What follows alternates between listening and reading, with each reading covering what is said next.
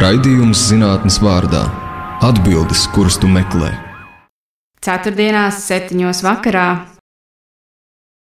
Man ir tas gods eh, šo pasākumu vadīt. Es esmu Ivars Austers. Un, uh, zinātnē jau īstenībā ir tāda uh, neražu kopa, ja, jo skaidrs, ka, ja zinātnē viss ļoti veiktos, tad jau zinātnē vairāk nebūtu. Universitāte droši vien būtu mācīt to, kas ir zināms, bet katra neveiksme ir, es domāju, solis attīstībā. Un, uh, ja man ir jānocitē kāds. Man zināms, pētnieks tad, uh, ir tāds Berkovits, kurš ir uh, ļoti daudz izdomājis, kā uh, veikt eksperimentus cilvēku uzvedības pētīšanai. Un, uh, viņš teica, ka neveiksmes ir pats svarīgākais. Ka vislielākais prieks tev ir pēc tam, kad tu esi uztaisījis eksperimentu un saprati, ka tā nevajadzēja taisīt, un tas tev palīdz domāt nākamo. Jā, nu tā tad uh, šovakar mums ir uh, četri izcili runātāji. Nu, kā jau konferencē sauksim tos par keynote runātājiem visi savus nozars izcilnieki, kuri ir pieļāvuši burvīgas neražas un tādā veidā arī sekmējuši zinātnes attīstību. Es pagaidām vienkārši nosaukšu, un pēc tam lūksim pa vienam šeit nākt un runāt un stāstīt par savām neražām mūsu konferencē. Un, jā, tā tad pirmais būs profesors Indričs Mužnieks, Latvijas Universitātes rektors. Ja, ja, Janina Kursīte būs otrā runātāja. Tad būs uh, profesors Vlašisovs Kašķējevs. Un uh, pēc tam būs polāra pētnieki Kristaps uh, Lamsters un Jānis Karašs. Atdiv. Un, uh, jā, konference būs kā konference. Katram runātājam būs 15 minūtes. Man ir sagatavot arī tā, tādas lapiņas, kas rādīšu, ka tuvosies beigām. Jā. Tā tad viena minūte, jā, paldies, Slav, par parādīšanu. Un, kā jau pieklājas konferencē, katrs runātājs ir jāpiesaka. Un es pameklēju katras nozars kaut kādas izgāšanās savā ziņā, kas man šķiet arī tādas uh, diezgan interesantas, mazāk, mazāk vai vairāk kaitīgas. Un, attiecībā Uz profesoru Mužnieku es biju pilnīgi neasprātīgs. Man tomēr nekas labāks par penicilīnu atklāšanu nenāca prātā. Ja? Tātad, ja kāds nezina, tad penicilīns tika atklāts tādā veidā, kad Aleksandrs Flemings, kurš ir penicilīnu atklājējis, atgriezās no brīvdienām, un Petrija Trauciņā, kur bija stafilokoka atstāta, atklāja, ka tur ir pelējuma kolonija ieviesusies, un stafilokoks nabadzīgs ir gājis bojā, toties penicilīns ir ļoti labi savairojies. Nu, tā tas viss sākās. Tā kā, um, lūdzu, sagaidiet ar aplausiem profesoru Indriču Mužnieku, kurš jums stāstīs par savām neražām. No biologa vai no rektora dzīves? Gan, gan. Nevar nošķirt. Nevar nošķirt. Ne, no īstenībā jau no bioloģijas, jo rektora dzīve ir tāds īsts un pārējošs periods. Katra nelaime, katra, kas tur gadās dabas zinātnieki vai kur zinātnieki mūžā, kā saka, var gadīties. Ne? Bija tas uh, Forestā Gampā, tas, kas uz buferi tiek rakstīts. This happens. Bet ar to mēs tiekam galā, jo gal galā mēs atgriežamies pie skrēš, skriešanas vai pie bioloģijas, vai kuram nu, tas iznāk un ir priekšā priekšā. Un eh, šai ziņā referējot uz to, ko mūsu konferences vadītājs minēja, eh, jā, no kā rodas interesanti atklājumi. Jā, arī brīvdienas ir ļoti svarīgas visam šim procesam. Un viena no lietām, ar ko kur gan es pats neiztaisīju, bet nu, līdzīgi kā penicilīna, mēs sakām paldies, Aleksandr, tev par brīvdienām. Tā es varēju teikt arī paldies Jork par to, ka bija ķelnieku karnevāls un ka tajā, e, un pēc tam es ar to dabūju nodarboties aptuveni 4-5 gadus no savas apzinīgās dzīves. Strādājot ģenētikas institūtā ķelnē, ar to, kas bija faktiski ķelnes karnevāla tiešas rezultāts. Jo raugi ir tādas šūnas, kas ir transformētas, pārveidotas, kad viens adenovīrus integrējas kāmja, padomā, kāda vajag būt zinātniekiem, tur tā iztēle, lai neskapēc ar adenovīrusu bakstītu kāmim, un pēc tam no kāmja dabūt ārā šūnas, kas ir pēkšņi pārveidojušās par ļaundabīgu audzēju šūnām un mainījuši savu morfoloģiju izrādās, ka viņa genomā tur ir integrējies 15 aptuveni kopiju skaitā tas adenovīrusa genoms, kurš tur ir nu, krustu šķērs, tur, tur salīdzis kopā ar tām baktērijām, ne šajā gadījumā kāmja šūnu chromosomām. Un, Un, un nu, tā šūnas tur ir mainījušas savu skatu un, un vispār uzvedās kā jau nelabi, kā vēža šūnām. Tas arī ir ierasts. Bet, nu, lūk, viņas ir regulāri jābaro, jo viņas ātri aug. Un kāpēc viņas baro un kāpēc viņas vispār tur? Nu, lai mēģinātu saprast, nu, ko tās vēža šūnas tur dara, kā, kādas ir tās metabolisma īpašības, kā viņas var ap, apstādināt un viss kaut kas tam līdzīgs. Jā. Bet, nu, ir arī karnevāls.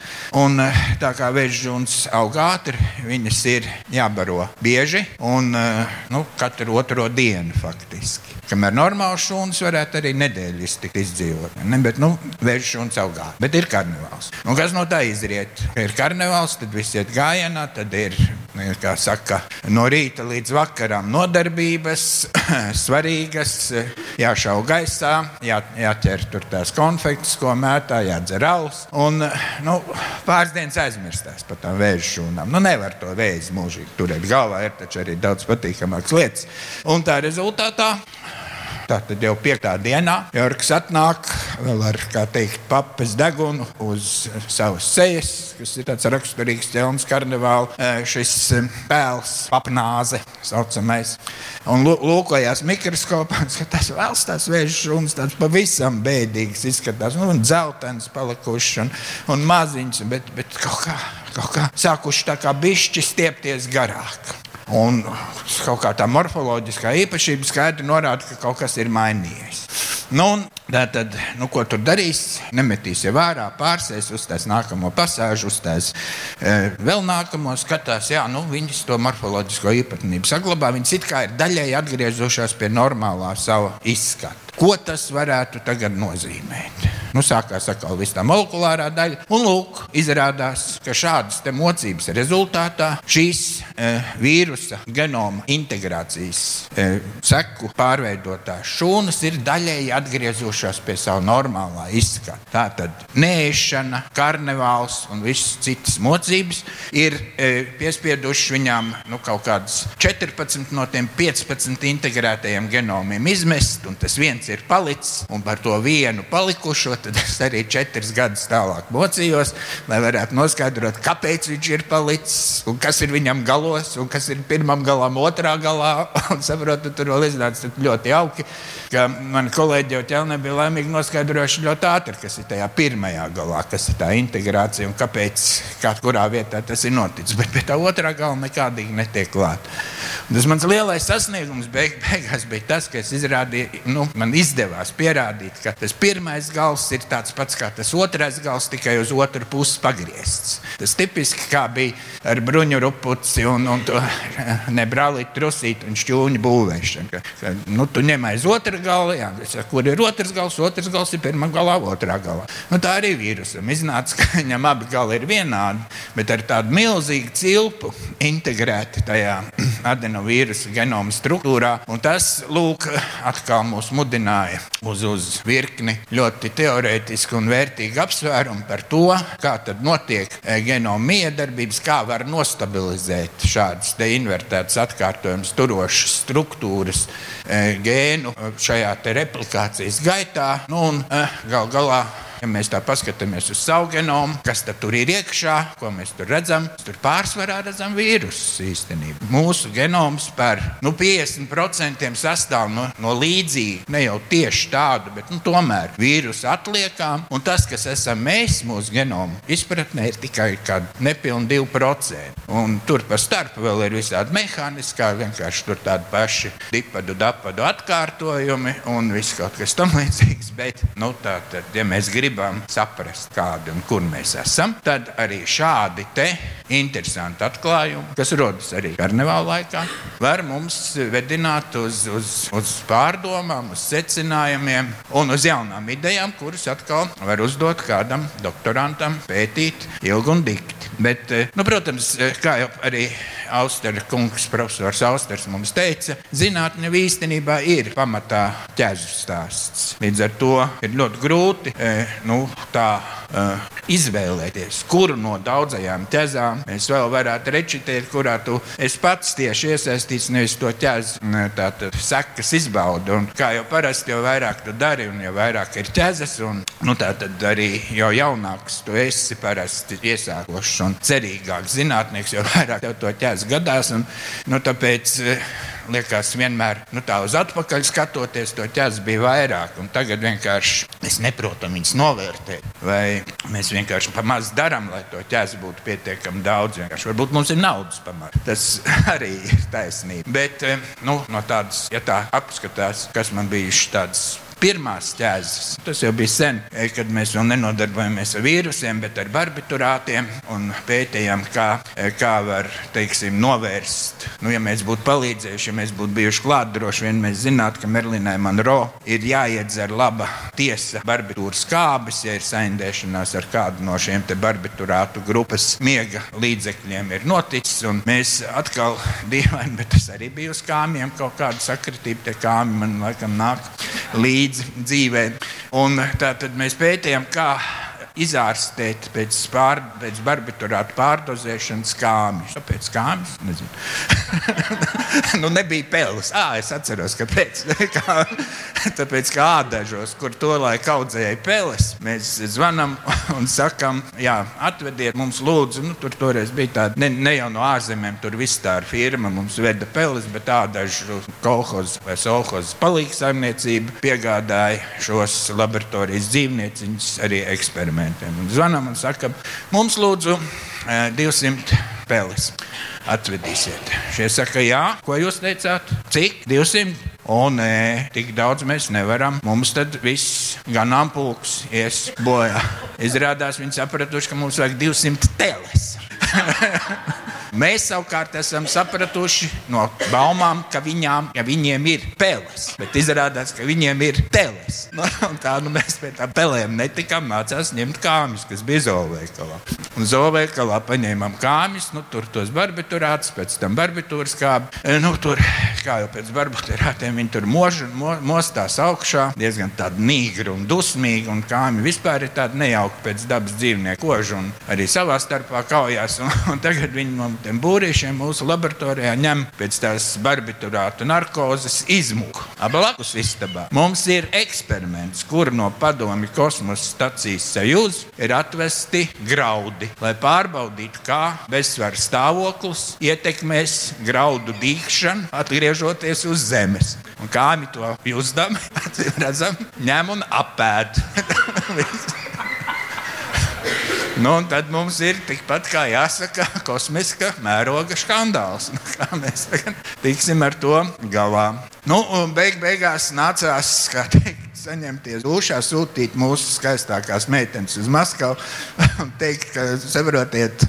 Eh, nosala, kas tur gadījās, lokus atvērts augstu laikā. Un, nu, beigās mēs dabūjām citas graudus un kājas, turējām aiz atslēgas, lai viņi vairs tā nemuktu ārā. Bet, bet eksperiments tādā veidā bija, bija jau gandrīz tuvu, tuvu jā, savam beigu galam. Un vispār ar to salu un vispār pārvietošanos. Un, redz, zinātnē jau īpaši jaunākās tajos attīstības gados vienmēr ir lieta, tā kā saka, uz riteņiem. Un zinātnieks savā būtībā, līdz kamēr viņš tur kaut kur noenkurojās un iegūst to savu stabilo pozīciju, viņš ir kā klejojošs mūks. Un, un visu laiku meklējumos un pārbraucienos, un tad, tad trīs gadi tur, seši gadi citur. Nu, tāda it kā normāla dzīves stils, bet man viņš vienmēr ir gadījies tā, ka es esmu kaut kur prom un tad arī atpakaļ, un tad es mēģinu kaut kā tādā šatula režīmā kaut ko darīt. Tas bija arī ar tagad jau atkal ar tām šūnu kultūrām un vīrusiem. Paldies! Paldies! Uh, jā, un mums uh, ir jāpāriet pie otrās runātājas, tātad tradicionālās kultūras pētniece, profesora Janīna, Janīna Kursīta.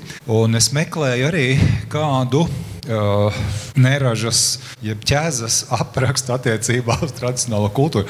Un tas, ko es dabūju, uh, bija tādas nesaprašanās kultūras nozīmē, nu, kas man nešķiet tik ļoti interesanti. Bet pats uh, jaukākais, ko es šai sakarā atradu, ja tu pēti valodu, ja tev interesē valodas lietošana, tad uh, īstenībā tāda definīcija kā kļūdas nav iespējama. Jo viss, ko parasti cilvēks sauc par kļūdām, ir pats interesantākais kultūras pētniekam. Tātad, lūdzu, profesor Kursīt, vārds jums!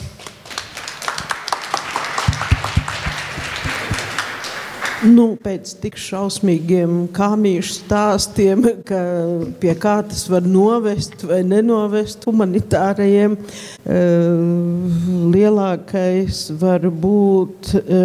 Tā, kur ir ekrāns? Ceru, ka jau ies. Jā. E, tik traki nav, lai gan nu, citādi ir mūžīgi uz robežām. Īpaši tur, kur ir muitas, arī kādas grāmatas ved vai neved, vai vēl kaut ko. E, mani stāsti būs, redzat, es pat speciāli ieliku. Nevis neraža, jo tas man nepatika. Humanitāriem nav neraža. E, senā 18. gadsimta gadsimta tekstā bija tā, ka nu, vienu gadu var nebūt uh, raža vai netik laba. Nākošais gads būs. Līdz ar to tur bija es saliku kā salikteni ražas neva. Nu, neva nākošā gadā jeva. Uh, neva jeva, neva jeva, nav tik traki. Un uh, runājot par nu, tādām kļūdām, patiešām, kā Austrija kungs teica, bieži ekspedīcijās gadās īpaši aizbrauc uz Latgali vai latviešu uz Baltkrieviju vai Sibīriju. Nu, kādi pārpratumi, piemēram, Sibīrijā. Mēs apmulsām, te profesori arī Cimdiņa, viņa atcerās Sibīrijas pirmo ekspedīciju pie Sibīrijas latgaliešiem. Mēs pirmā dienā aizbraucām, nu, līst, stipri līst, bet mēs esam ļoti pieklājīgi pieklājīgi mēs uh, uh, visus sveicinām. Labadīna vai tur labsreiz uz mums skatās tā ļoti dīvaini, jo līst. Un tad tik mēs aptvērām, ka tas labdien uh, ir jauns kultūra vārds, ka 19. gadsimta beigu izceļotāji pēcteči saka vesels vesels, nu, esi vesels. Vai arī mums prasīja, vai ar samaļotu mēs atjājām.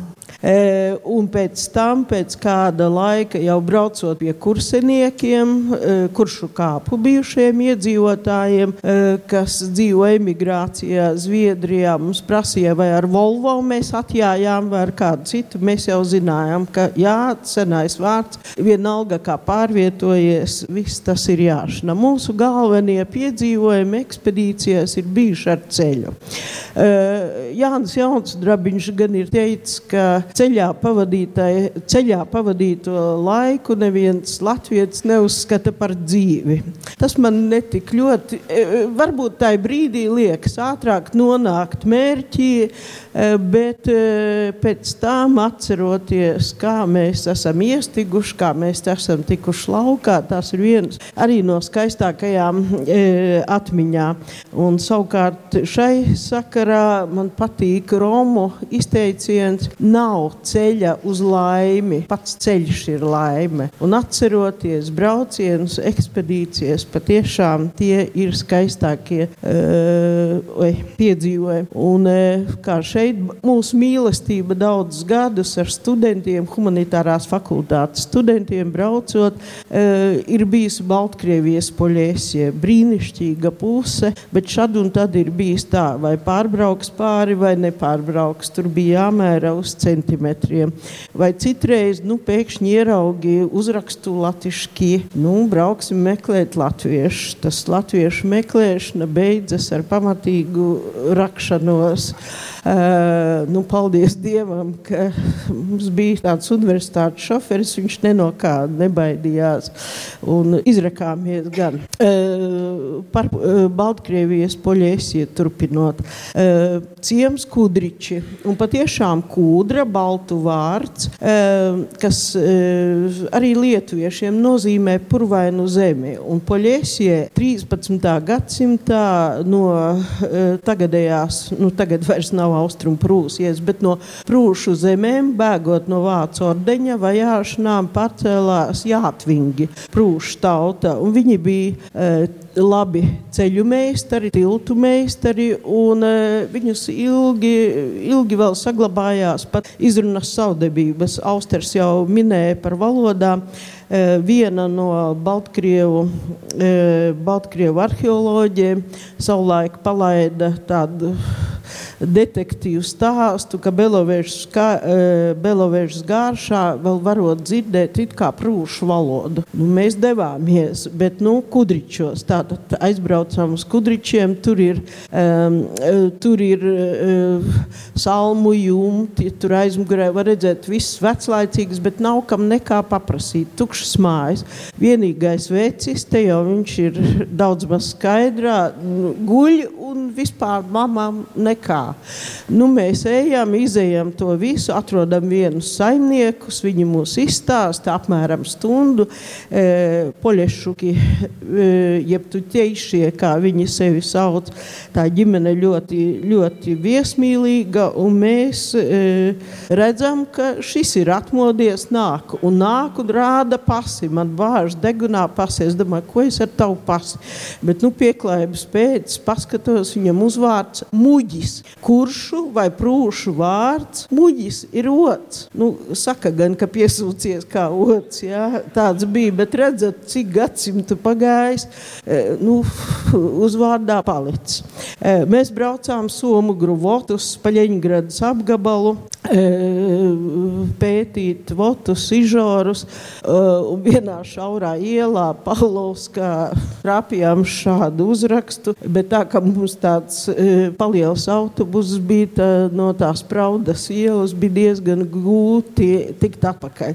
Ļoti jaukas un eh, bagātīgas atmiņas ir no Sibīrijas braucieniem. Riškova ir Omskas apgabalā, tā ir vecākā baltiešu kolonija, tur izsūta no 1802. gada.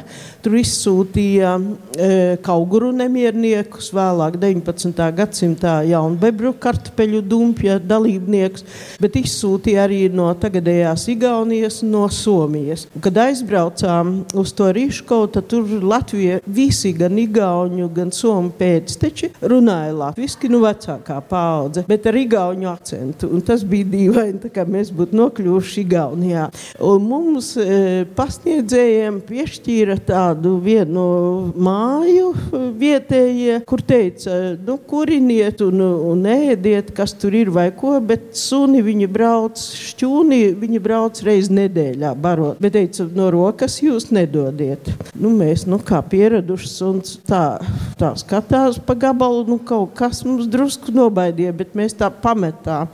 Tālāk mēs sapratām, ka tuvākais, kā viņam var toties ar garu lāpstu barot, nu, tas iedod iedomājieties, suns nu, apmēram kā Bāzkirvils suns. Viņš bija nobadināts un, un ar suņiem šādi un tad bijuši pār, pārbaudījumi. E, Timofejevka, tas latgaliešu ciems, tur 19. gadsimta beigās no Latgales, no Ludas apkaimes aizbrauca e, latgaliešu brīvas zemes meklējumos. Arī vecākā paudze runāja latgaliski. Un viens no sirsnīgākajām sarunām tiešām bija Ausmats cik viņš gadu bija nosēdējis, recidīvis, kādus 15, varbūt vairāk. Nu, es tagad saprotu, kā sievietes uzķerās uz cietumniekiem. Viņš bija tik sirsnīgs, tik interesanti. Ar viņu varēja runāt, runāt. Viņš gan teica, ka uh, nevienam nedrīkst ticēt. Viņš teica, es pats sev navīrēju, neticu. Bet viņa stāsts, es saku, nu par ko jūs iesēdināt? Viņš saka, pirmo reizi, aņi par ko. Nu, kā ņiparku? Viņš saka, nu kā, bija baļļuks, un viens no kaimiņu sāģas atnāk, ēd semečkas un met uz krīdas. Es saku, savāc tās semečkas. Viņš nesavāc. Viņš saka, nu ko, es izgāju, paņēmu mietu, bet es nezināju, ka tur tai mieta galā ir nagla. Nu, viņš ir izrādījis. Un kā devu pa bašku, nu, dzīves palika, bet cietumā tika. Es saku, bet otrais. Viņš saka, nu, otrais jau drusku bija par ko mašīna bija atstāta vaļā, kaut kāda atslēga nebija. Nu, viņš paņēma pavizināties. Nu, par trešo reizi es drošības pēc neprasīju. Baltkrievijā sākumā, pirmais gads, kad aizbraucām, tā patiešām bija tāda aizraušanās. Mēs meklējām akmens bābas poļēsijai, bet tā, kas mūs veda, bija etnogrāfe, un viņa pārsvarā veda tur, kur viņai interesēja. Redz, nu, transports mūsu un kas. Un nākošā gadā mēs domājam, ko mēs, mēs paši gudri. Es tikai neaptvēru, ka mēs iebraucam pierobežu zonā. Un, laikam jau mēs tur ļoti aizdomīgi izskatījāmies, ka vajadzētu bigi bezaku ļatki. Bet es domāju, mūs tā novēroja. Tiesa gan bija sūdzība, ka mēs praņikļi partizanskim sposobam, lai gan mums bija atļauja viss kaut kas. Mūs neārestēja un ļoti vērtīgus patiešām pašā pierobežā gan akmens bābas, gan citu atradām. Un iepriekšējie daudzi gadi pagāja ļoti vērtīgos akmens bābu rituālu, kur citur Eiropā nav, pavasarī uz lieldienām ietērpa akmens bābas lūdzās svētību. Viņi paši nebija to novērtējuši kā vērtību un pateicoties mūsu interesē, ka mēs tur braucām, filmējām, viņi iekļāva Baltkrievijas 50 kultūra vērtību sarakstā. Tā kā no šķietamām neveiksmēm, kur mēs iekļuvām, bija arī veiksmes. Un 2017. gadā mani uzaicina Baltkrievijas vēstniecībā uz uh, Baltkrievu pirmās grāmatas drukāšanas 500 gadi. Es domāju, nu, ko es, es neesmu malodniece, es saku, vai var braukt arī kāds valodnieks, nu, prorektore Ina Druviete. Jā, jā, vēstniecībā saka, mēs braucam ar mašīnu, aizbraucam, viesnīcā mums nekas nav rezervēts. Es zvanu uz to Baltkrievijas vēstniecību, sazvanu, nu, kaut kāda kļūda, mēs tur aizbraucam uz Novopolotsku, ļoti šauras gultiņas, ko Ina Druviete atcerējās, neatcerējos. Es atcerējos citu nākošā dienā, tur bija arī e, tie pārstāvi ļoti plaši no bijušajām padomu republikām saicināti. Uh, bija jau Lietuvai sava šiltīte, mums bija sava šiltīte, bet visu laiku sauc un, un dod vārdu tikai tiem bijušiem Vidusāzijas. Un uh, Maskavas galds tukšs. Uh, ar nokavēšanos ierodas tas pa labi. Es nesaukšu varbūt uzvārdu, bet ļoti gudrs uh, bijušais uh, kaimiņu valsts kultūras ministrs.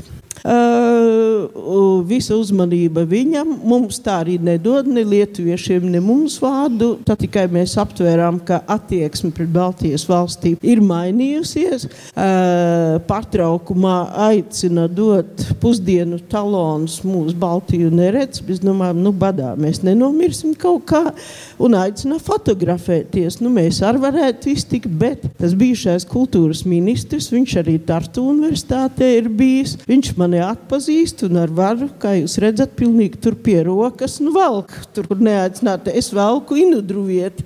Uh, nu, druvieti tur aizmugurē, viņa ne par ko negāja. Tā ka citreiz arī tādas neveiksmes var izrādīties par veiksmēm. Uh, esam braukuši arī ar studentiem tepat pa Latviju, pa visiem novadiem, un tostarp arī paskatīties, kā uh, liek nēģu murdus. Tiesa, brauc braucot uz Salatgrīvu, mēs ar tā iešļūcām ne pa to ceļu un iegrimām. Un ne uz priekšu, ne atpakaļ izrādās bija, es nezinu, kas tur par segumu bija, bet Aleksandrs e, Rozenšteins, man liekas, viņam uzvārds, viņš mūs izvilka mašīnu un tā bija fantastiska nakts. E, bija tie pārdzīvojumi, ka mašīnu nevar izdabūt aizmirsušies. E, tas jau gan ir nākošā rītā. E, skatījāmies, kā liek murdu murdus un arī kā izņem murdus. Un tālāk nēģu cepšana, nēģu garša, nēģu smarža. Uh, un līdzīgi. Piedzīvojumi ir ļoti daudz, ko var saukt dažkārt par trakām neveiksmēm, kas varētu novest pie kaut kādām bīstamām sekām ekspedīcijās. Viena no tādām, ka nu, kādā mājā, es nezinu, nelīdzsvarots jauneklis, kamēr viņa māti intervē, viņš aizmugurē izvilcis pistoli, vai tā rotaļu, vai tā pielādēta, nepielādēta. Un, kolēģi viena redz, bet tie, kas intervē, neredz. Viņi pārņemti ar sarunu, un tad ļoti mierīgi māti pagrieza māte to aizvilka, viss labi beidzās. Vēl ir bijis, ka uh, viens tagad zināms jau folklorists, toreiz vēl students, aiziet Latgalē, viņš grib stāstus par svāti un ezeru. Arī sievu, vecu sievu satiek, jā, un tā uh, stāsta stāsta, viņam pēkšņi stāsta, vidū ieskrien viens vīrs, aptuveni kā kašķējevs, ar dunci, ar tuteni, un saka, nu, nu kurīnis tu? Viņš saka, es, nu, folklo, viņš, starp citu, vidzemnieks, viņš es pārbīļa latgaliski atbild, viņš saka, es, nu, folkloras krotuvis, ak, folkloras krotuvis, kropnīgs, privjam. Uh, nu, tā ar negodu tika padzīts, bet ar veselu ādu. To piedzīvojumu ir daudz, un ekspedīcijām, lai jums kādreiz arī, varbūt šodien vēl būs kāds konkurss vai kas, es gribu pateikt, ka ekspedīcijām atslēgas vārds ir mīlestība. E, tie, kas vienreiz braukuši ekspedīcijās, tie pēc tam grib katru gadu braukt, jo tā ir fantastiska sajūta. Aizbraukt, e, nav ceļa uz laimi, pat ceļš ir laime un arī ekspedīcijas. Paldies! Raidījums zinātnes vārdā - atbildes, kuras tu meklē. Ceturtdienās, septiņos vakarā. Man ir tas gods pieteikt mūsu konferences nākamo keynote runātāju, profesoru Vjačeslavu Kašķēju. Un, redz, Slāve, es atradu tādu stāstīnu attiecībā uz uh, fizikiem par neitrīno. Pirms gadiem 11 uh, tika teikts, ka neitrīno ceļo ātrāk nekā gaisma. Ja? Un, uh, tas bija fantastisks sasniegums. Un tad pēkšņi atklāja, ka vats nav kārtīgi iesprāstīts kontaktligzdā. Nu, es pārspīlēju, ne tik vienkārši, ja, bet uh, var sakot, GPS sistēma nepareizi izmērīja. Un visiem šķita, ka bija kāds dažas milisekundes pātru uh, signāls atnācis no Šveices līdz Itālijai. Beigās izrādījās, ka diemžēl tā nav. Cik nejauki, vai ne? Jā, Lūdzu, vārds tev. Paldies! Lielas paldies! Labvakar! Visi visiem, visiem klātesošiem. Nu, daudzveidības mazliet neražas uh, teorētiskās fizikas laukā. Šo atgadījumu ļoti labi atceros, jo nu, tas ir ļoti, ļoti nopietns atklājums, kas iet pretrunā ar svētajiem rakstiem, ja? pret Einsteinu, ka kaut kas ātrāk par gaismu. Un in the end of the day tas tiešām bija līdz galam neiesprausts vats. Ja? Tā bija milzīgs kolektīvs un kamēr visas, visas, visas, visas tās saskaitāmos saskaitīja, un kas raksturo atšķirības starp teorētiķiem un eksperimentāriem. Teorētiķi ir lēti, ja viņiem vajag tikai tur, uh, papīru, zīmuļus un, un, un dzēžgumijas. Reizēm pat dzēžgumijas nevajag. Ja? Un pēc tā pirmā paziņojuma, ka varētu būt jau nākamajā dienā teorētiskās fizikas preprintu mājaslapā bija kādi trīs raksti, kas skaidro, kāpēc tā varētu būt. Mēs vēl uh, doktorantūras skolā semināru taisījām, ja tiešām tā ir, un kādus pāris mēnešus ļoti liela intriga bija. Bet, nu, tad, tad tad izrādījās šāda neraža. Es pamēģināšu par vienu tādu savu profesionālu neražu izstāstīt. Ja iekļaušos uh, laika reglamentā, tad, tad, tad izstāstīšu vēl kādu, kādu, kādu citu. Un man stāstam ir trīs daļas. Pirmā par uh, padomju teorētiskās fizikas kultūru un tās ļoti spilgtu pārstāvi, vēl joprojām profesoru Delstas Universitāte vārdā Julijs Nazārovs. Un tā ir absolūti leģendāra personība, uh, protams, par viņa sasniegumiem nanoelektronikas teorijā un, un nu, nepārspējamo kompetenci un intelektu. Mani doktoranti mācās no Nazārova grāmatas. Un kas raksturo padomju teorētiskās fizikas skolu, ir nu, tāda ārkārtīgi liela nežēlība, tad, kad tas attiecas uz profesionālo darbību. Katrs akadēmisks pasākums, konference, uzstāšanās, disertācijas aizstāvēšana, seminārs tiek uztverts burtiski kā gladiatoru cīņa. Un tavs galvenais sasniegums, galvenais mērķis ir būt visgudrākajam tajā istabā. Patiesībā, nu, šodienas acīm skatoties, tāda visai toksiska kultūra, bet tie, kas tajā toksiskā kultūrā izdzīvo, ja, kas ir tajā, tajā ir cēlušies, varat iedomāties, kādas tas ir personības. Tikai daudz vēlāk, kad pie Nazārova aizbrauca mūsu absolvents un veiksmīgi aizstāvēja disertāciju, es uzzināju, ka pret saviem studentiem viņš ir ārkārtīgi mīļš, jauks un foršs profesors. Bet citiem, un es viņu iepazinu kā doktorants, un doktorantiem ir sevišķi, tā bija vienkārši leģenda. Jo, ja Nazārovs ir auditors, ja viņš šobrīd šeit būtu, un es kaut ko pateiktu nepareizi, viņš vienkārši uzstāšanās laikā var piecelties, neprasot vārdu, neko piecelties, teikt, this is wrong. Everything you're saying is wrong. Un kaut kādā veidā kopiena viņam visu to piedot, jo viņam bloody hell vienmēr ir taisnība. Vienmēr. Nu, nu, tas ir Nazāros, ir leģenda. Nu, lūk, tas ir stāsta pirmā daļa. Stāsta otrā daļa ir par. Um, manu pirmo rakstu par uh, kopā sadarbībā ar eksperimentatoriem, par uh, konsūkņiem kas tas arī nebūtu, ierīces, kas skaita tos kvantus. Un kāda ir tā, tā, tā, tā, tas stāsts ar mani 2008. gads? Jo redz, tā ideja, ka varētu ar maz, maziem tranzistoriem tos elektronus pa vienu spaidīt un skaitīt, tā ir sena. Vēl tad, kad Nazārovs bija padomu, kad, kad vēl padomu savienība nebija sabrukusi. Un ar ko viņš ir slavens? Ar to, ka viņš pierādīja, ka, protams, to var darīt, bet tikai ļoti lēnu, varbūt 10 MHz. Bet nu, pārāk lēni, lai tas būtu praktiski noderīgi. Un tieši Nazārova atklātais kvantu kontunelēšanas efekts nu, uzlika krustu pāri vispār tiem centieniem. Labākais sasniegums bija amerikāņu Nacionālais meteoroloģijas institūts. Pūlējies, pūlējies piecus gadus, septiņus ķēdītēs salicis tos kvantu punktus, nu kaut kādu robežu sasniegt. Viņiem bija, visiem bija skaidrs, ka tas ir strupceļš. Un tad man atraksta mans draugs, tikpat jauns kā es, no Vācijas, tikko uh, dabūjis tādu nu, tā jaunā pētnieka pozīciju uz vienu gadu, sevi pierādīt, uztaisījis cūkņus, citādākus, vienkārši rutīnā mēģinot, mēģināt, kā strādā, pēkšņi skaita pa vienam tos elektronus. Un atsūta man tos datus un saka, nu, tā kā vajadzētu publicēt, bet vai kaut kādu teoriju, nu, nu pilnīgi viņi strādā tad, kad nav jāstrādā pie gigaherca. Ja? Iepriekš bija 10 gigahertz, bet gigahertz. Lūk, nu, es tur iespringu un to mēģinu, šo mēģinu. Un mums šķiet, ka mēs esam sapratuši, kur tā sāls ir. Tur ir pilnīgi cits princips. Viņi pilnīgi citādāk, citā kosmosā dzīvo. Nu, jauni, nepieredzējuši, nu, jāraksta raksts, jāraksta tajā spožākajā fizikas žurnālā, Physical Review Letters, visu tur sarakstam, sazīmējam grafikus, visu to teoriju. Un tad bija viens konkrēts grafiks, kur bija tā, tā, tā kvanta punkta, teo, man teorētiskā modeļa schēma, lūk, es tur viņu sazīmēju. Un tas bija, nu, modelis, modeļa mērķis bija vispār parādīt to jauno principu. Mums nebija vēl ne tuvu to datu, lai mēs varam visus parametrus noteikt uz asim, visus tiešām, tieši šīm eksperimentam atbilstošus datus salikt. Tāpēc es teicu kolēģim, klausies, esmu teorētiķis, ja es nevaru atbildēt šeit par skaitļiem, uzrakstīsim kaut kādās bezdimensionālās vienībās. Viņš saka, nē, nē, nē, nē, recenzentiem nepatiks. Viņi ir vienkārši cilvēki, viņi ir eksperimentatori. Nu, ko nozīmē patvaļīgās vienības? Reiz sāks prasīt, kādās vienībās. Nu, uzraksti tā, uz durčku, ja? aptuveni, nu, mēram, nu, tur mīlē elektronu valdu, tur nano, kas tad, kas tad cits tur varētu būt? Vot tur arī es pieļāvu to kļūdu. Mīļie mani draugi, nekad nerakstiet skaitļus uz durčku. Ir sevišķi, ja jūs pretendējat uz kaut ko teoriju. Nu, es uzrakstīju, no tekstā mēs jau atrunājam, ka tie ir tikai aptuveni skaitļi, tā, tā lai būtu. Viss korekti. Iesniedzam, tur bija gara cīņa par to rakstu, un, un, un protams, kas, kas tie tādi ir. Ja? Tas nav iespējams, tāpēc, ka nav iespējams. Beig, beigās ar lielām mokām, daudz mazāk prestižā žurnālā kaut kur to rakstu nopublicē.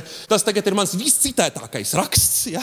Bet tā ir stāsta otrā daļa. Un tagad stāsta trešā, trešā daļa, un tur ir konferences. Tātad nu, tas atklājums noturējās, jo viņi strādā tie, tie, tie, tie, tie, tie, tie sūkņi. Tas bija tāds, nu, gan mans kolēģis dabūja permanentu pozīciju tajā institūtā, gan viņa priekšnieks braukāja pa pasauli, sāka stāstīt. Nu, tā kā Vācijas meteoroloģijas institūtā var, var tā sacīt, ielikt kloķi tiem amerikāņiem. Jums tur 10 MHz, mums ir gigahertz, freaking hell. Ja? Un, nu, tā kā vajadzētu būt, nu, kā tieši mēs jau nezinām, bet nu, Slava saka, ka tā ir. Ja? Lūk. Un uzstājas kolēģis, mana, mana, mana, arī mans līdzautors, bet kā priekšnieks, pats, pats seniorākais, kuram zināt, kā priekšniekam, viņam pienākums par tiem kopējiem panākumiem stāstīt. Dēlzes universitāte stāsta, rāda. Un, ziniet, kā tur tā, tā teorētiķa aktsprātība, nu, es, es mazliet pārspēju, tikai mazliet. Ja? E, tie, tie krievu teorētiķi, viņi uztver eksperimentatorus, nu, pat ne kā mazus bērnus, ja? bet kā citu sugu, uz viņiem neapžojas. Ja? Nu, nu, nevar apžoties uz suni, ka ne viņš neprot matemātisku analīzi. Nu, like, nu, labi stāsta, tur kaut kāds grafikā. Tankš rāda to bildi no raksta ar potenciālu schēmu un tie maniem uz durčku milikronu un nanometriem. Pieceļas! Julijs Nazārovs saka, this is wrong! Šeit es varu, the back of the envelope, jums parādīt, ka tas ir wrong. Tas nestrādā un nekad strādāt nevarēs. Mans, mans kolēģis ir šokā. Es pēc tam, pēc tam uh, uzzinu uh, no viņa e-pasta, klausies, tur kaut ko Nazāravs kaut ko saka, ka tur kaut kāda kodolēšana nestrādās. Un tā, un, uh, un tas nebija viss. Ja? Uh, tajā laikā, tas astot, uh, astotais gads, uh, vēl nebija īsti sociālo tīklu, bet daudziem tādiem lieliem zinātniekiem, tiem, kam patika, bija savs bloks. Un Nazaro blogu lasa visi manā nozarē. Nazaro blogā parādās ieraksts. Ja? Tur mums tāds interesants seminārs ir bijis. Ja? Tur tādi eksperimentātori no Vācijas atbraukuši. 21. gadsimts viņi joprojām krāpējas ar tiem sūkņiem. Tur nekas sanākt nevar, bet nu, piedosim viņu. Nu, lai krāpējas vispār, varbūt arī kaut kas sanāks, ne par to ir tas stāsts. Un tad tā passive aggressive. Nu, tie, kas mēģina viņiem palīdzēt, viņiem tā kā derētu iemācīties kotunelēšanu. Es, protams, saprotu, ka viņiem tādas iespējas. Nav tāds mazs mājiens par to, ko māca Latvijas universitāte. Bet nekas, nekas. Here is open invitation. Es aicinu apmeklēt manu maģistrantūras kursu Delfta Universitāte par mezoskopisko fiziku. Laipni lūgt. Tā kā man joprojām stāv internetā šīs bloga ieraksts, es joprojām esmu laipni aicināts Delfta Universitātē uh, apmeklēt maģistrantūras kursu par mezoskopisko fiziku. Uh, lūk, nu, un, uh, tas bija tāda, tāda liela mācība nerakstīt skaitļus uz durčkumu.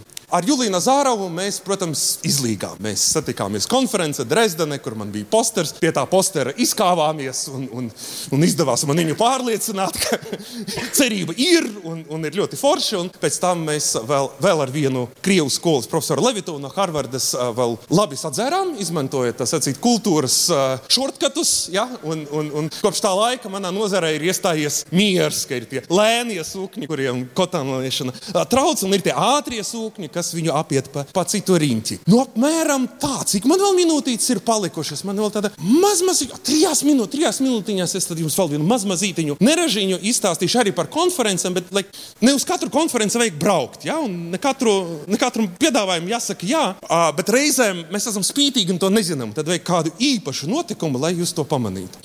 Un, tas stāsts ir no 2015. gada, un es tagad ļoti uzmanīgi skatos, vai kāds nav kāds liecinieks, vai tik līdzi nebija bija arī Indriķis, vai Indriķis toreiz kā reiz nevarēja būt. Bet tā bija valsts prezidenta Andra Bērziņa valsts vizīte uz Somiju. Nu, ir tāds žanrs valsts attiecībās, un tāda ar čārteru reisu Air Baltica, tur pusi no ministru kabineta un ļoti cienījami cilvēki augstajos amatos brauc attiecīgi iepazīties ar otrās valsts, tur ar visu pieņemšanu, ar visu, visu balli. Visu. Un es tajā brīdī biju izglītības zinātnes ministrijas ārsta padomnieks. Nu, tad man ir oh, tāda forša izdevība. Mēs slavu tā sacīt, uzliksim uz skatuves. Viņš pastāsta par uh, augstākas izglītības un zinātnes sistēmu Latvijā. Priekšmets, par kuru man ir ļoti aptuveni priekšstats. Un, uh, un problēma bija tāda, ka es saķēru kaut kādu vīrusu. Tas vēl nebija Covid. Cilvēki tik ļoti nebija satraukušies. Un tajā steigā un tajā visā.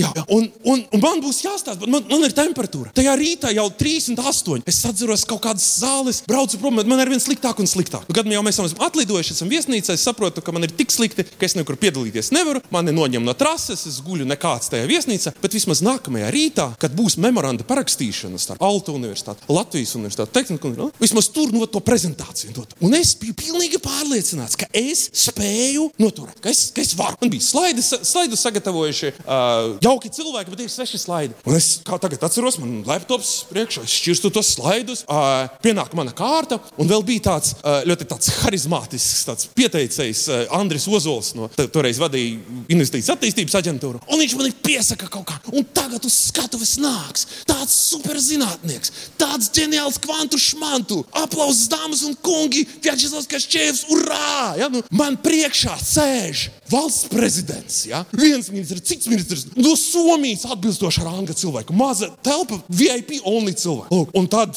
es vēl atceros, ka es paspēju pajokot. Es vēl teicu, jā, dāmas un kungi, bet šodien es jums nestāstīšu par kvantu fiziku. Lūdzu, slaidu, man uzliek slaidu, pirmo slaidu, un esmu pilnīgi pieredzējis. Ja tu kaut kur uzstājies, tā kā es tagad uzstājos, ir kaut kas iekšā, kas tev liek priekšā tos vārdiņus. Pasaka, ko pateikt priekšā. Un uzliek to pirmo slaidu, ievelku elpu, un nav, klusums, pilnīgs klusums. Es redzu, man tieši priekšā Andris Bērns, visi, visi ir sašutuši, es nezinu, kas notiek. Viņš saka, pamēģiniet, varbūt ūdeni iedzert. Es saku, jā, nedzer ūdeni, pamēģiniet vēlreiz, visi jūt līdzi. Ja? Es pats sev jūtu līdzi. Un neko nevar izdarīt. Saku, pamēģināšu vēlreiz. Nav klusums. Ko es daru šajā situācijā? Nekas cits neatliek. Es kaut kā ļoti atvainojos un eju, eju, eju, eju atpakaļ uz savu vietu. Kā man saka, ka es ļoti līgo, līgodams un, un ar bālu seju. Lūk, par laimi pie manis pieskrien profesors Andrejs Ērglis, izmēra pulsu, ja? iebāž konfekti zem mēlis. Un, un, un, es spēju pateikt pa telefonu ātriem, ka braukt nevajag. Un, protams, es jūtos ar vien labāk, bet, protams, galvenā ziņa, par kuru runāja mūsu lidmašīnā ceļā atpakaļ, vairs nav, viss ir kārtībā. Tad, lūk, morāli ir tāda, labāk es jums stāstu par kvantu fiziku. Paldies! Tagad mēs iesim uz augstākām zemēm. Tātad polāra pētnieki Kristaps Lamsters un Jānis Karušs. Tātad, kā pētīt, ko pētīt, ja tu gribi saprast Antarktīdas, Grenlandes un Islandes ledājas? Un es meklēju, kas ir tāds interesants neražas attiecībā uz jums. Viena bija ritīgi skumja, ka gribēja gliemeni atvest no ledājiem un sasaldēja tā, ka viņi bija nomirusi pa ceļam. Lūdzu, vārds jums! Jā, nu tā nu ir ar tiem polārajiem pētījumiem, kad nevienmēr sanāk tā, kā gribās. Un, uh, mēs šodien varbūt pastāstīsim par tām lietām, ko nu, visiem jau patīk. Tur ieslēgt National Geographic vai nopirkt National Geographic žurnālu. Tur visi zinātnieki vienmēr smaida un saka, ka tas ir viņu brīnišķīgākais laiks viņu dzīvē, tad, kad viņi ir tur ekspedīcijā. Mēs varbūt tās nedaudz mēģināsim mainīt šo priekšstatu, pastāstīsim pāris lietām, kas tā skatoties, varbūt varēja noiet arī ļoti greizi, bet mums par laimi nē. Bet pirms mēs sākam stāstīt, varbūt galvenais jautājums, kāpēc mēs esam divatā. Tad visi pirms mums pa vienam, mēs tagad izdomājām divatā. Un saistība tam ir ar polāru pētnieku īpašībām. Tad, klasiski mums tāds stereotips, ka, lai tu būtu veiksmīgs polārpētnieks ilgtermiņā, tad nu, jā, jābūt kaut kādai atbilstošai izglītībai. Tev jāsaprot, ir vai nu ledāja, vai geofizika, meteoroloģija. Tas, tas izklausās tā kā loģiski. Otrā lieta ir jābūt arī fiziski spēcīgam, tev jābūt ir vienalga pa dažādiem klimatiskiem apstākļiem. Tas viss, protams, ir ļoti skaisti, pareizi, bet eh, tā nav galvenā īpašība, kas nepieciešama polārpētniekam. Galvenā īpašība ir selektīva atmiņa. Un kāpēc tā? Pēc, ka, ja tu dodies ekspedīcijā un tu pēc tam atceries visu, kas ar tevi tur notika, tā ir pēdējā ekspedīcija, uz kuru tu aizbrauks. Un beigās sanāk tā, ka mēs it kā ar Kristapu esam braukuši vienā ekspedīcijā, bet tad mēs pārunājam, kas tur ir noticis. Un it kā ceļojums viens, bet divas dažādas ekspedīcijas. Un, lai mēs kaut ko neaizmirstu, tāpēc mēs izdomājām, ka mēs pastāstīsim par tām visām ekspedīcijām, kas ir bijušas, ne tikai par tām, kur viens no mums ir bijis. Tad, nu, Kristaps varbūt iesāks šo te visu. Jā, labvakar! Gribēju pat pateikt paldies iepriekšējiem runātājiem, kas nedaudz nomierināja. Izrādās, ka ķibeles ir visur, bet no ekspedīcijās bez ķibelēm vienkārši nevar iztikt. Nu, nav tādas ekspedīcijas, kur nebūtu ķibeles, un tur faktori daudzi. Mēs paši pirmkārt, vēlāk laika apstākļi, iekārtas, vēl viss kaut kas pa vidu, dzīvnieki dažādi uzrādās pēkšņi, kas traucē arī. Uh, tad labi, ķersimies visam pēc kārtas. Uh, mēs neizstāstīsim par pašām ekspedīcijām, bet nu, lai vismaz zinātu, kur tās ekspedīcijas ir norisinājušās. Tad neliela karte. Tā, tā ir Antarktika un eh, tāds interesants kvadrāts. Īstenībā mums ir sanācis Arktikā. Grenlande, Svalbāra, Islande. Un es starp citu nesen secināju, ka mums ir laikam nākamajam mērķim jābūt tur pa vidu tieši Grenlandē. Eh, polārie apgabali. Eh, šī ir fotografija, ko es pašu pirmo uzņēmu, kad mēs devāmies uz Antarktiku. Vismaz man tā izsaka ļoti daudz. Tātad, ko šī fotografija pasaka, nu, to, ka nu, faktiski tur nevajadzētu atrasties. Nec mums, nec nevienam un ir jābrīnās, ne, kurš grib vispār tur uzturēties. Migla kalni, sniegs, ledāji, kas beidzas okeānā un faktiski, kur tad mēs tur varam izkāpt. Tur pat nav, nav nevienas vietas, kur izkāpt ārā. Tātad polāri apgabali ir tādi bīstami, neviesmīlīgi un uh, mūs negaida pavisam noteikti. Šeit vajadzētu būt video. Nu, ja nav, tad nav. Uh, šis video bija no drona uzfilmēts, kur uh, ir jā, varbūt man kaut kas jāpiespiež. Nē.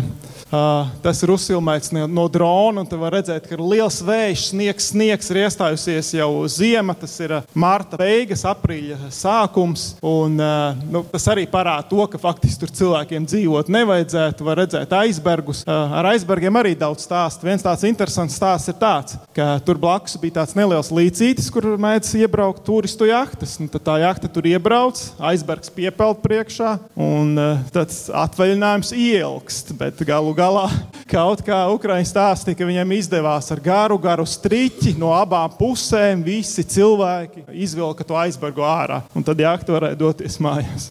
Uh, šī ir mums ļoti īpaša fotografija. To uzņēma amerikāņi. Un stāsts ir par to, ka mums nebija apakaļceļā biļetes no Antarktīdas. Mums bija noslēgta vienošanās ar Ukrāņu zinātnes centru, ka viņi mūs atvedīs mājās. Bet nu, sanāca īsti tā, ka sākās ziema, kuģis kā nebrauc, tā nebrauc, un sākām jau bažīties, kas būs.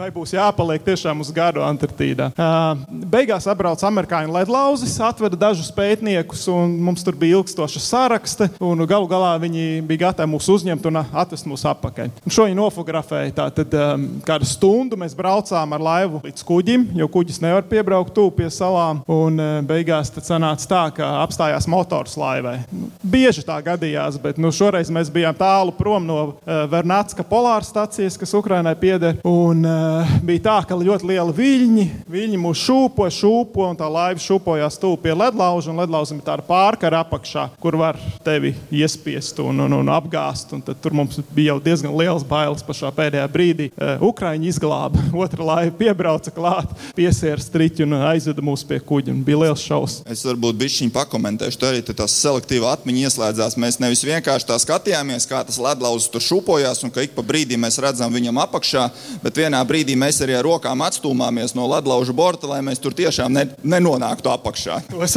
vairs neatceros. Varbūt tas bija šajā brīdī arī otrā amerikāņu fotografija, ka mēs mēģinām tikt uz tā kuģa augšā, kāpjam ar nosalušām rokām. Uh, nu, tas stāsts par Jāni varbūt pats var izstāstīt, kāpēc tev piepūtās veste, bet mums nepiepūtās.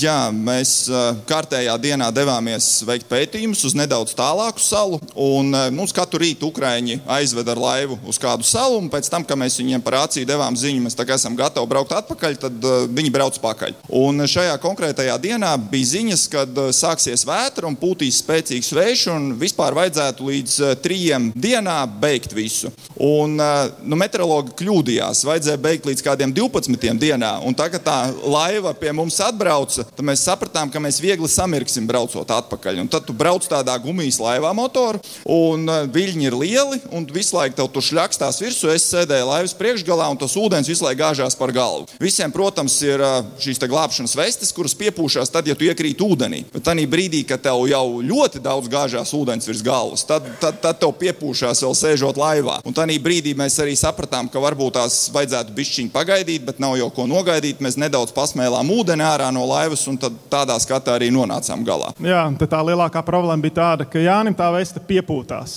Pārējie viņa nepiepūtās. Tad, kas būtu, ja mēs būtu ievēlušies ūdenī, vai viņa piepūstos, vai arī nē? Uh, nu, nevar arī neparādīt dzīvnieks, jo dzīvnieki Antarktīdā ir šausmīgi daudz un nu, nāks ar viņiem sadzīvot. Nu, faktiski, ja nav ledus, tad tur ir kaut kāda dzīvnieku nometne. Vai tie ir roņi vai nu, vaļi, protams, ūdenī. Pa labi tur redzēt pingvīnus. Tie ir īpaši nepatīkami dzīvnieki, jo, kā redzat, viss tur ir tāds uh, viegli rozīgs, uh, ar noķēzīts, ar ekskrementiem, protams, smirdīgs un tā tālāk. Uh, šeit varbūt stāsts par to briesmoni, ka jūs redzat attēlu apakšā. Tā ir uh, dienvidu polārā klīkāja, jeb skoa. Un, uh, tā izraisa mums daudz problēmas. Nu, Respektīvi, mūsu darbs ir tāds, ka mēs ejam pa ledāju, mēs ieskrojam tur skrūves iekšā, lai nospraustu taisnu profilu līniju. Un tas putns visu laiku nāk aizmugurē. Un katru skrūvi viņš mēģina izraut ārā. Uh, beigās es biju diezgan dusmīgs dienas beigās, jo tā skrūve, es viņu varētu vienkārši tur ielikt, jo viņu nevajag pēc būtības ieskrojēt. Bet man ir jāskroj katra iekšā, tā lai viņš viņu neizraut. Un tad jāņem ārā un atkal jāskroj. Un visu dienu tas ir jādara. Jā, nu par sko vēl viens stāsts. Pirmkārt, man ļoti patīk tas apraksts, kad viņi dzīvo tādās korporatīvās grupās, kas sadarbojās. Man tas nosaukums ļoti patika.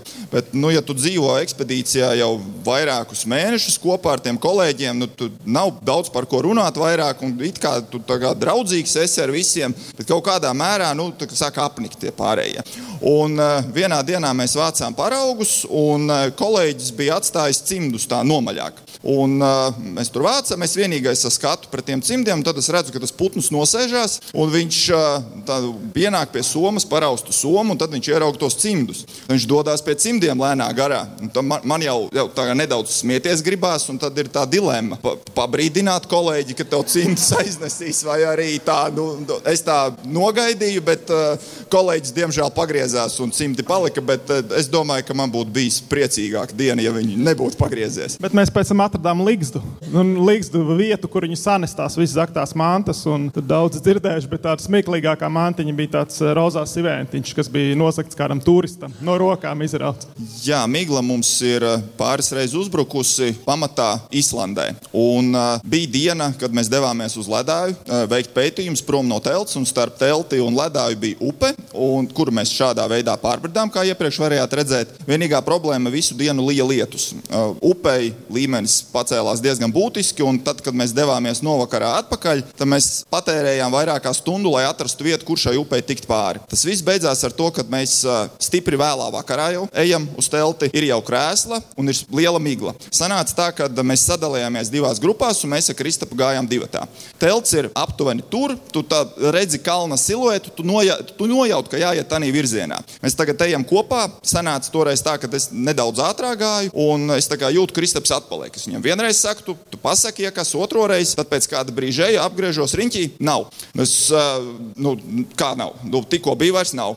Paeju bišķiņā atpakaļ, redzu, melns siluets parādās. Es ļoti akadēmiski korektiem terminiem divas minūtes stāstu, kā viņš ne, nekorekti izdarījies, un kad viņš ir atpalicis no manis, un ka šādi nevajag darīt, savā, jo tas ir bīstami. Un pēc mana divu minūšu monologa es, ne, es nedzirdu akadēmisku korektu atbildi uz šiem visiem. Un tad es secinu, ka es divas minūtes bļauju uz akmeni.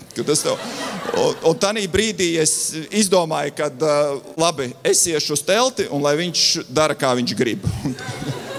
Es neteikšu, kāpēc es biju atpalicis. Nu, pateikšu, es atcerējos, ka man kaut kur Somā vajadzēja būt vienam nu, snikerītam mazam palikušam. Tad es apstājos pie akmens, un tad es viņu kā 5 minūtes meklēju. Es biju izmisis, šausmīgi gribējās ēst, un man liekas, ka viņš tur bija. Un beigās atradu, jā, bet nu, tad jau bija diezgan tumšs palicis. Uh, par plaisām nu, nevar nepieminēt, nekas smieklīgs te nav, bet uh, plaisas mēdz būt uz ledājiem. Nu, nu, ir gadījies, ka mēs ievaļamies tajās plaisās. Te var redzēt redzēt, viena no tām plaisām viņa ir, tad viņa pēkšņi nav. Tas nenozīmē, ka nav, tāpēc ka viņa vienkārši ir aizsnigusi. Un, un, un, nu, ir bijis tā, ka tu ej pa ledāju un tad ļoti uzmanīgi, lēnām, bakstot ar garu mietu priekšā. Tad parasti ir tā, ka jūt, ka viena kāja sāk slīdēt, un pats tu krīt uz aizmuguri un, un neiekrīt tādā plaisā.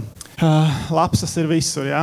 Jūs zināt, ka ziemeļos mums ir polārlāči, dienvidos pingvīni. Tie nesatiekas, ir pingvīni neizdzīvot, bet lapsas faktiski ir visur redzētas. Un te ir stāsts par to, ka ēdiens ir vienmēr jāslēpj. Uh, augšējā attēlā mēs esam tādu kā kurgānu izveidojuši. Visas, visu ēdienu, visas somas ielikām tur iekšā, aprakām, lai lapsa netiktu klāt. Nu, viņa netika klāt, bet uh, apakšējā attēlā var redzēt, ka viss tomēr ir izvandīts un izsvaidīts, jo bija miskaste. Un Mēs izrakām bedri, uzlikām plāksni, akmens virsū, bet viņi izrakās cauri, kamēr mēs bijām uz ledāja. Tad atstāja tādu uh, skaistu nekārtību.